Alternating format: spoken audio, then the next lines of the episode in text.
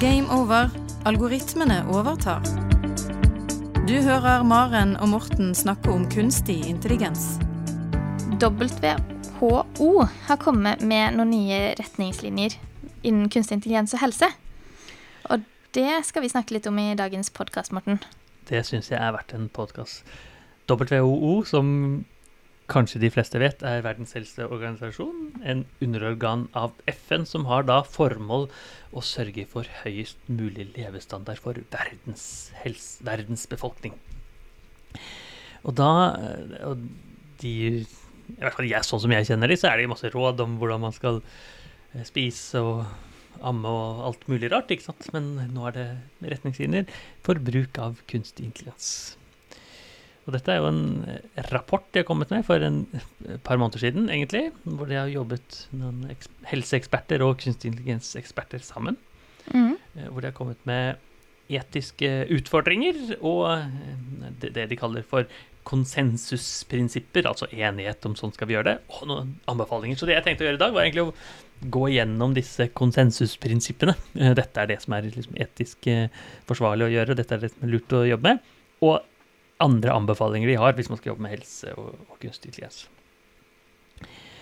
Det høres ut som en god plan. Det syns jeg OK, godt. Da gjør vi det sånn. Uh, da, uh, men først så, så har de forteller de, da, som ikke overraskende, kanskje. Og jeg, jeg, tror ikke fordi folk som jobber med kunstig intelligens og helse der ute, kommer med mange overraskende råd her, for det er mye gir uh, make sense, som de sier. Men det er fint at en så stor organisasjon som Verdens helseorganisasjon faktisk påpeker det. Eh, og ja.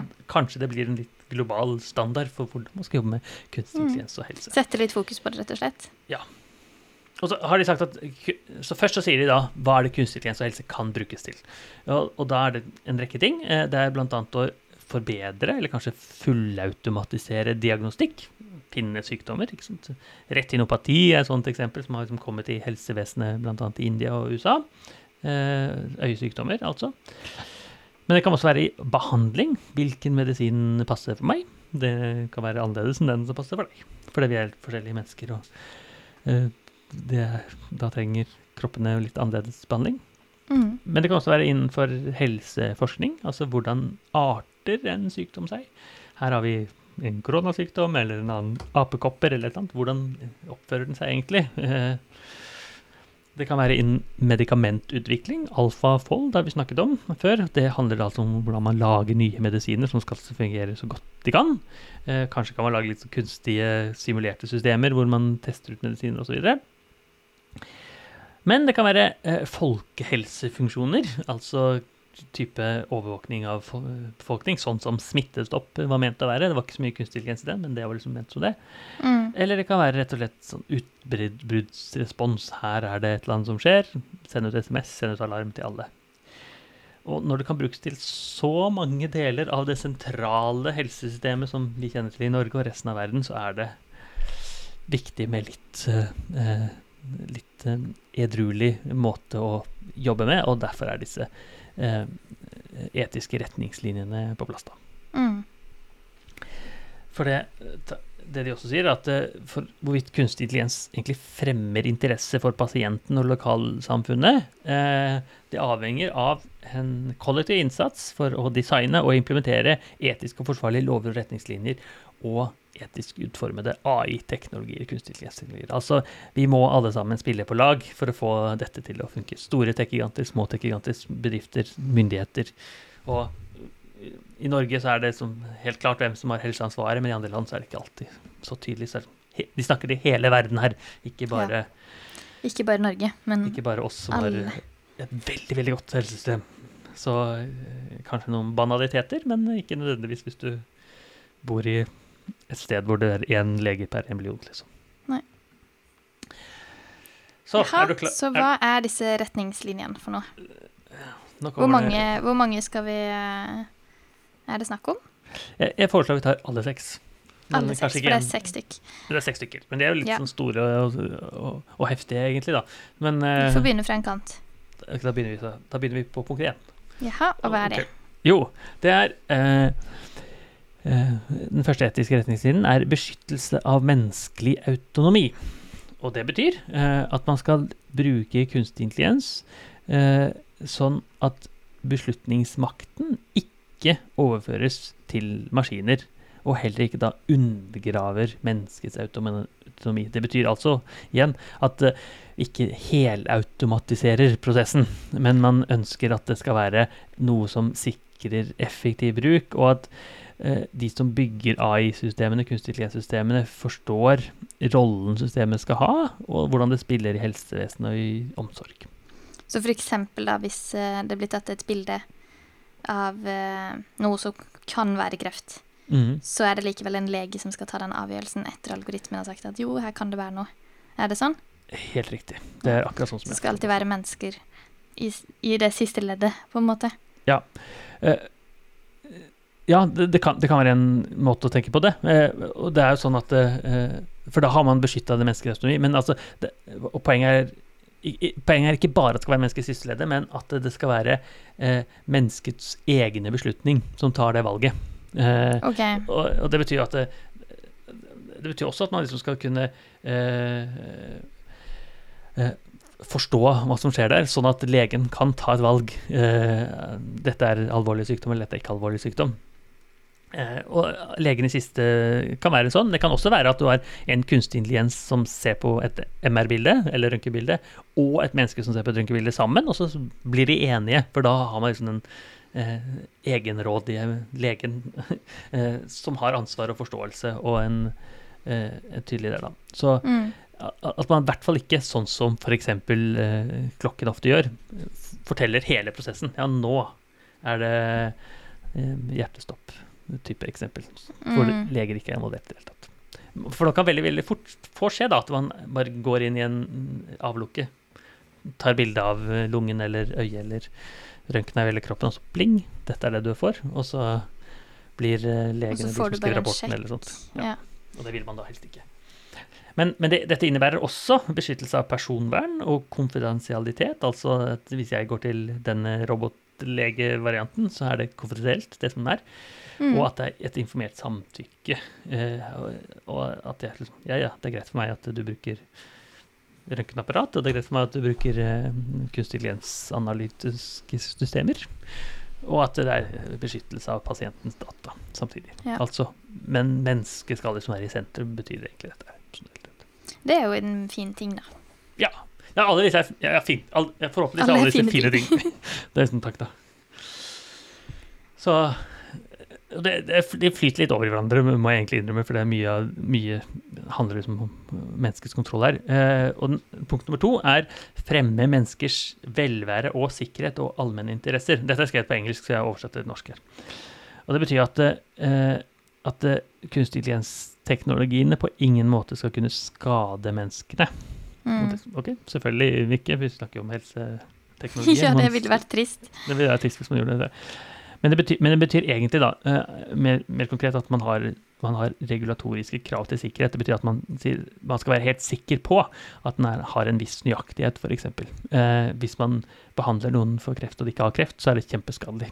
Mm. Og så kan man selvfølgelig aldri være helt sikker, men en, en god mål for kvalitetskontroll og en, en evne til å forbedre kvaliteten eh, ligger inn der. Og det ligger, de sier spesifikt at dette gjelder både fysiske og psykiske skader som kan komme. da. Så det kan type være at du eh, får liksom pling, du har liksom eh, 60 eh, sjanse for å dø i morgen. Pling, nå er det 70 som vil da være psykisk forferdelig. Ja, ja, ja. Og, ja, så det er da ikke etisk forsvar.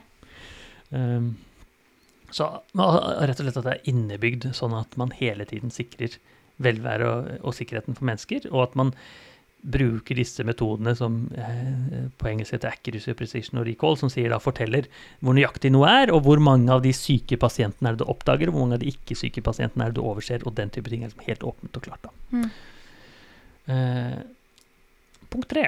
Eh, ja, da skal man sikre åpenhet, forklarbarhet og forståelighet. Og her er det litt sånn engelske ord som er litt vanskelig å oversette til norsk, men eh, det betyr egentlig at man har Åpen betyr at man har man er helt tydelig på hva algoritmen er, er bygd fra. Ja. Forklarbarhet er liksom Kan jeg forklare det for en lege eller en pasient eller hvem enn som skal få den forklaringen? Og tolkbarhet, eller forståelighet, er liksom Klarer vi å skjønne prinsippene i algoritmen? Åpenhet og tolkbarhet er egentlig eh, ikke så vanskelig. Det som er trikket, er den forklaringen for en person. Så hvis jeg får beskjed om at det er eh, en eh, alvorlig sykdom, så vil jeg gjerne spørre hvorfor, og da må den peke på svulsten i lungen, eller hva mm. det skal være. Som, er, som har vist seg i kunstig noen ganger har vært litt tricky. Men det er ikke bare for pasienter, men det er også for leger eller medisinskfaglig personell, eller de som lager lovene og reglene, eh, og de som utvikler metoden. For hvis, man, hvis, noen i det leddet ikke har kontroll, så mister man kontroll, og så ja. blir, det, eh, blir det surr. Og alle ledd skal ha kontroll. Alle ledd skal ha kontroll. Og de sier også at det skal være, så, skal være så mye kontroll at det kan Eh, kan føre til, og bør føre til, meningsfull offentlig høring og debatt om yeah. teknologien. Altså, her kommer en ny kunstig intelligensteknologi som gjør et eller annet supersmart. Eh, og det må være så åpent at man kan kunne forklare det på Dagsnytt 18 eller mm. et eller annet sted. Og si ja, ja, her, den fungerer bra, men akkurat for folk med som er venstrehendte, fungerer den dårlig. Liksom. Da, det, yeah. Sånne ting må man Og forståelig for allmennheten. Ja. Ikke bare for de som har programmert den, på en måte. Nettopp. Eh, og så er det Altså at allmennheten kan forstå all teknologi eller all helse, det er jo, jo da, utopisk. Det, men det må ja. være på et visst nivå, så at man liksom kan ha en debatt om det. Ja. ja. Så ikke så lett, egentlig. Den er kanskje den vanskeligste eh, så langt. Andre, mm. Ja, ja, det selvfølgelig skal vi gjøre det. ja. Men der, er, eh, Nummer fire. Eh, fremme ansvar og ansvarlighet. Eh, som betyr egentlig at mennesker krever tydelig transparente og spesifikke oppgaver av systemet skal utføre, og forholdene under hvilke de skal oppnå ytelse. Så det betyr at man kan ha type sånn eh, Hvem er det som har ansvaret for at denne teknologien funker, eventuelt ikke funker. Mm. Er det et menneske? Er det skaperen eh, av eh, teknologien, ikke skaperen av resten av verden? Litt som vi har snakka om med kunst og veldig, veldig tekst likt, før. Ja. ja. Eh, hvem er det som eier det? Og i kunst så er det et fasitsvar. Så for de som vil det, kan høre et par episoder tilbake. Mm. Mens her er det litt vanskeligere, da. For det er det Altså Skal designeren av røntgenapparatet få blir straffa for det røntgen tok feil bilde en gang. Og samme er det litt her, da. Hvor ligger det? Og det må være klart, egentlig, sånn at man kan få en garanti. Så man kan saksøke folk ikke sant? hvis mm. ting går veldig galt. Og I praksis betyr det at man, man, har en veldig, veldig god evaluering som inkluderer pasienter og klinikere og utviklingen og distribusjon av teknologien liksom, i, alle ledd. Og hvis noe går galt, da, som det noen gang gjør med kunstig intelligens så bør det være egnede mekanismer som er tilgjengelig for både avhør og oppreisning av enkeltpersoner og grupper. Mm. Eh, og det høres ut som en litt mer eh, vanskelig eh, Kanskje? Ja, godt poeng. Eh, og det er jo veldig strenge krav til medisinsk teknologi i dag. Ja. Absolutt. Og så er det et sånt skrekkeksempel, i hvert fall for, for andre land, hvor det er eh, som har brukt eh, mange har fått medisiner som kanskje ikke er så relevante, eller man bare testa ut på en gruppe som ikke er i hermetegn så viktige, for det, de har ikke pengesterke og sånt. Og så Det er dette vi vi unngår med kunstig intelligens, da. Vi vil ikke sette en kunstig intelligens i en slumområde et eller annet sted, og så finner vi ut det, og den funka ikke egentlig. Nei. Da skal vi vite at det funker. Da skal vi vite at det funker. Mm. mm nummer fem. Ja. Eh, sikre inkludering og rettferdighet. Ja. Og det Ja, det, det er jo litt, litt, på den forrige òg. At ja, det kan du si. På, ja. Absolutt. Men her betyr det egentlig at uh, den skal utformes for å oppmuntre til bredest mulig hensiktsmessig rettferdig bruk og tilgang, som altså betyr uh, kjønn, alder, inntekt, rate, rase, etnisitet, seksuell legning eller andre egenskaper som man kan diskriminere på. Det skal man ikke diskriminere på med kunstig intelligens. Mm det skal ikke det skal fungere like godt for uh, folk med den hudfargen som med den hudfargen, eller den øyenfargen, den øyenfargen, eller den alderen og den alderen. Mm. Uh, igjen. Der har vi Er det vel en vei å gå? Absolutt. Fordi den er mata med litt uh, skeivt. veldig ofte så er den det. Mata med litt skeivt hata. Mm. Så nå er det folk får nok mer uh, har, har skjønt det nå, tror jeg. Men, ja. uh, men Men er det retta opp? Ofte ikke. Og en, en av grunnene er ikke nødvendigvis at man ikke bare har dataene, men at, at uh, ofte så er det liksom skjevt historisk for kjempelengt tilbake. ikke sant? Man har mm. forsket mye mer medisin for menn enn for kvinner, f.eks. Ja, så det bare ligger der. og så er det jo noen sykdommer som treffer en gruppe mm, mer enn en annen gruppe. Så det, det er ikke, den er jo den, den skiller jo på etnisitetssykdommen også. Noen diabetes er veldig tydelig for én gruppe, mens den ikke så tydelig for andre grupper osv. Så videre. og sånn sett er det veldig vanskelig å få en sånn god mangfold inn i algoritmene, egentlig. Eh, men det betyr ikke at man ikke skal gjøre det. Men, eh, men for det sier WHO at eh, man skal da minimere uunngåelig forskjell. Som ja. Eh, det vil være en forskjell for det, for det der. eh, forskjellige data osv., men man skal minimere det så godt man kan. da. Ja. Og I praksis betyr det overvåke, evaluere, identifisere eh, effekter som man kanskje ikke hadde helt lyst til å eh, få spyttet ut. da. Mm. Altså, funker det for en mann, så burde det også funke for en kvinne. La oss prøve. i praksis. Ja. Nummer seks, eh, som egentlig var mest eh, eh, overraskende for meg, rett, og det er at eh, kunstig intelligens skal fremmes som, en, som responsiv og bærekraftig. Eh, eh, fint, enig i det. det som er litt overraskende for meg, er at det har ikke så mye med helse å gjøre. Det skal være sånn Poenget er at det skal være i samsvar med global innsats for å redusere menneskepåvirkning på jordens miljø, økosystem og klima osv. Mm. Uh, og, og, det betyr jo egentlig at man skal trene opp kunstig intelligens sånn at man ikke bruker uh, Går på kull og ødelegger helse uh, for befolkningen deretter. Ja. Så, ja. Sånn indirekte, på en måte, da? Ja, det er ganske indirekte, mm. kan du godt si. Og, og, det betyr at de skriver at man skal systematisk uh, vurdere kunstig intelligens-applikasjonene under faktisk bruk, og se hvordan, det, hvordan, de er bærekraftige, og passe på at de er bærekraftige. Altså, ikke uenig i det på noen som helst måte. Jeg kanskje Kanskje jeg ikke ville putte det inn i helsekategorien, egentlig. For det er såpass indirekte, vil jeg si da. Så hva syns du om disse seks retningslinjene? Er det noen du savner? Tja, det var jo litt som du sa i starten, at de er jo litt sånn eh, Visste vi ikke dette litt fra før? Eh, ikke noe kjempenytt som er sånn Oi, revolusjonerende anbef... Eller, eh, ja Ting de setter fokus på. Men ja. Eh, ja, Er det noe mer du tenker uh, Nei, jeg, jeg tenker at dette er veldig gode, men de er veldig overordnet. Så det er jo veldig vanskelig å si som Ja, ja.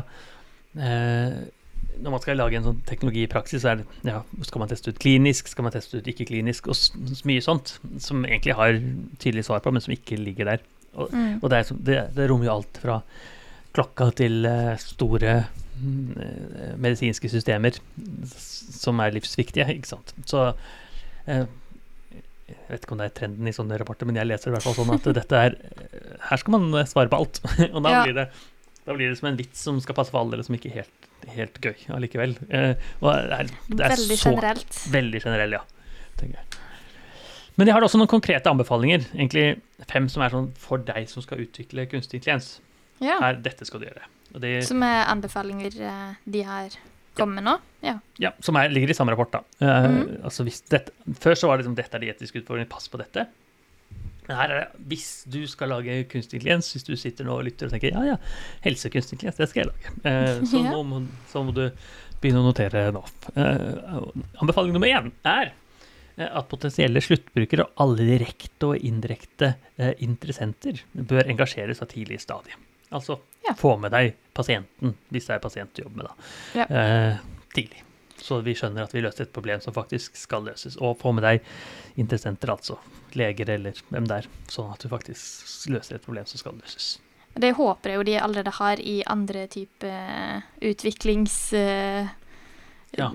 Andre ting de utvikler som ikke har med kunstig intelligens å gjøre. Så håper jeg jo de har med pasient og lege i uh, utviklinga. Ja, det får vi håpe. Jeg har flere dataprogrammer som helt klart ikke har tatt med til sluttbrukeren, og det fungerer jo deretter. Eh, ja. Men uh, uten å nevne navn. Men det er, uh, det er jo sånn det, Jeg tenker det er veldig lett for et sånt stort tech-firma å si ja, dette kunstig dette skal vi løse, og så er det ikke i pasientens interesse egentlig. Nei. så ta de med, liksom. Godt tips. Ja.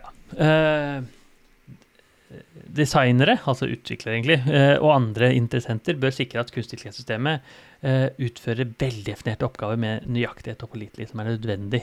Eh, altså, pass på at dette har en viss grad av nøyaktighet, funker på en viss prosent. Og hvor godt det skal være, er litt avhengig av problemet, men at det er forutsigbart akkurat hvordan det fungerer. Mm.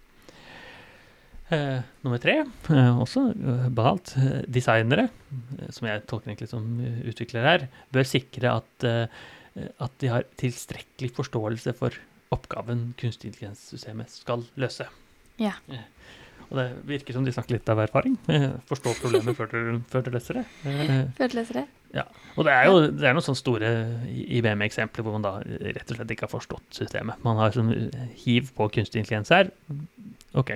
Men det, og så vet man ikke helt hva som egentlig hva vi skal ha ut av det. Man hadde brukt, hatt en workshop i begynnelsen. Mm. og det går jo litt tilbake til første punkt. At uh, du bør få med deg de det faktisk ja. skal brukes mm, helt med. Riktig. Mm. Men, ja, men ja, ja, riktig. Og jeg ser for meg at en lege har en medisinskfaglig personell har liksom veldig veldig mye for, forståelse for et sånt system eh, mm. eh, enn det jeg har som programmerer. Ja. Eh, nå er vi på nummer fire, er vi ikke det? Prosedyrene som designere bruker eh, for å designe for verdier, bør informeres og oppdateres. Og Det betyr egentlig at det bør være standard for etikk og design og normer som er åpne, gjennomsiktige og forståelige og, og er inkluderende osv. Og, så og de skal hele tiden oppdateres ettersom samfunnet går fremover. Det høres jo veldig lurt ut at det ikke er noe som bare skal stå på stedet hvil. Ja. At det må utvikle seg etter Hvis vi hadde hatt et helsesystem som For det, noen av disse systemene kommer antakelig til å vare lenge. Mm. Hvis, eh, hvis, man hadde hatt et helsesystem som har liksom 50-tallets etikk og moral, eh, så er det ikke sikkert det hadde passet så godt i vårt samfunn i dag. Nei. Eh, nummer fem. Videreutdanning og opplæringsprogrammer bør være tilgjengelig for designere og utviklere. Altså, de skal få lov å få trene seg opp i disse systemene. Ja. Og der kan jo kanskje Universitetet i Agder Det kan vi selge. Hvis, det kan vi selge.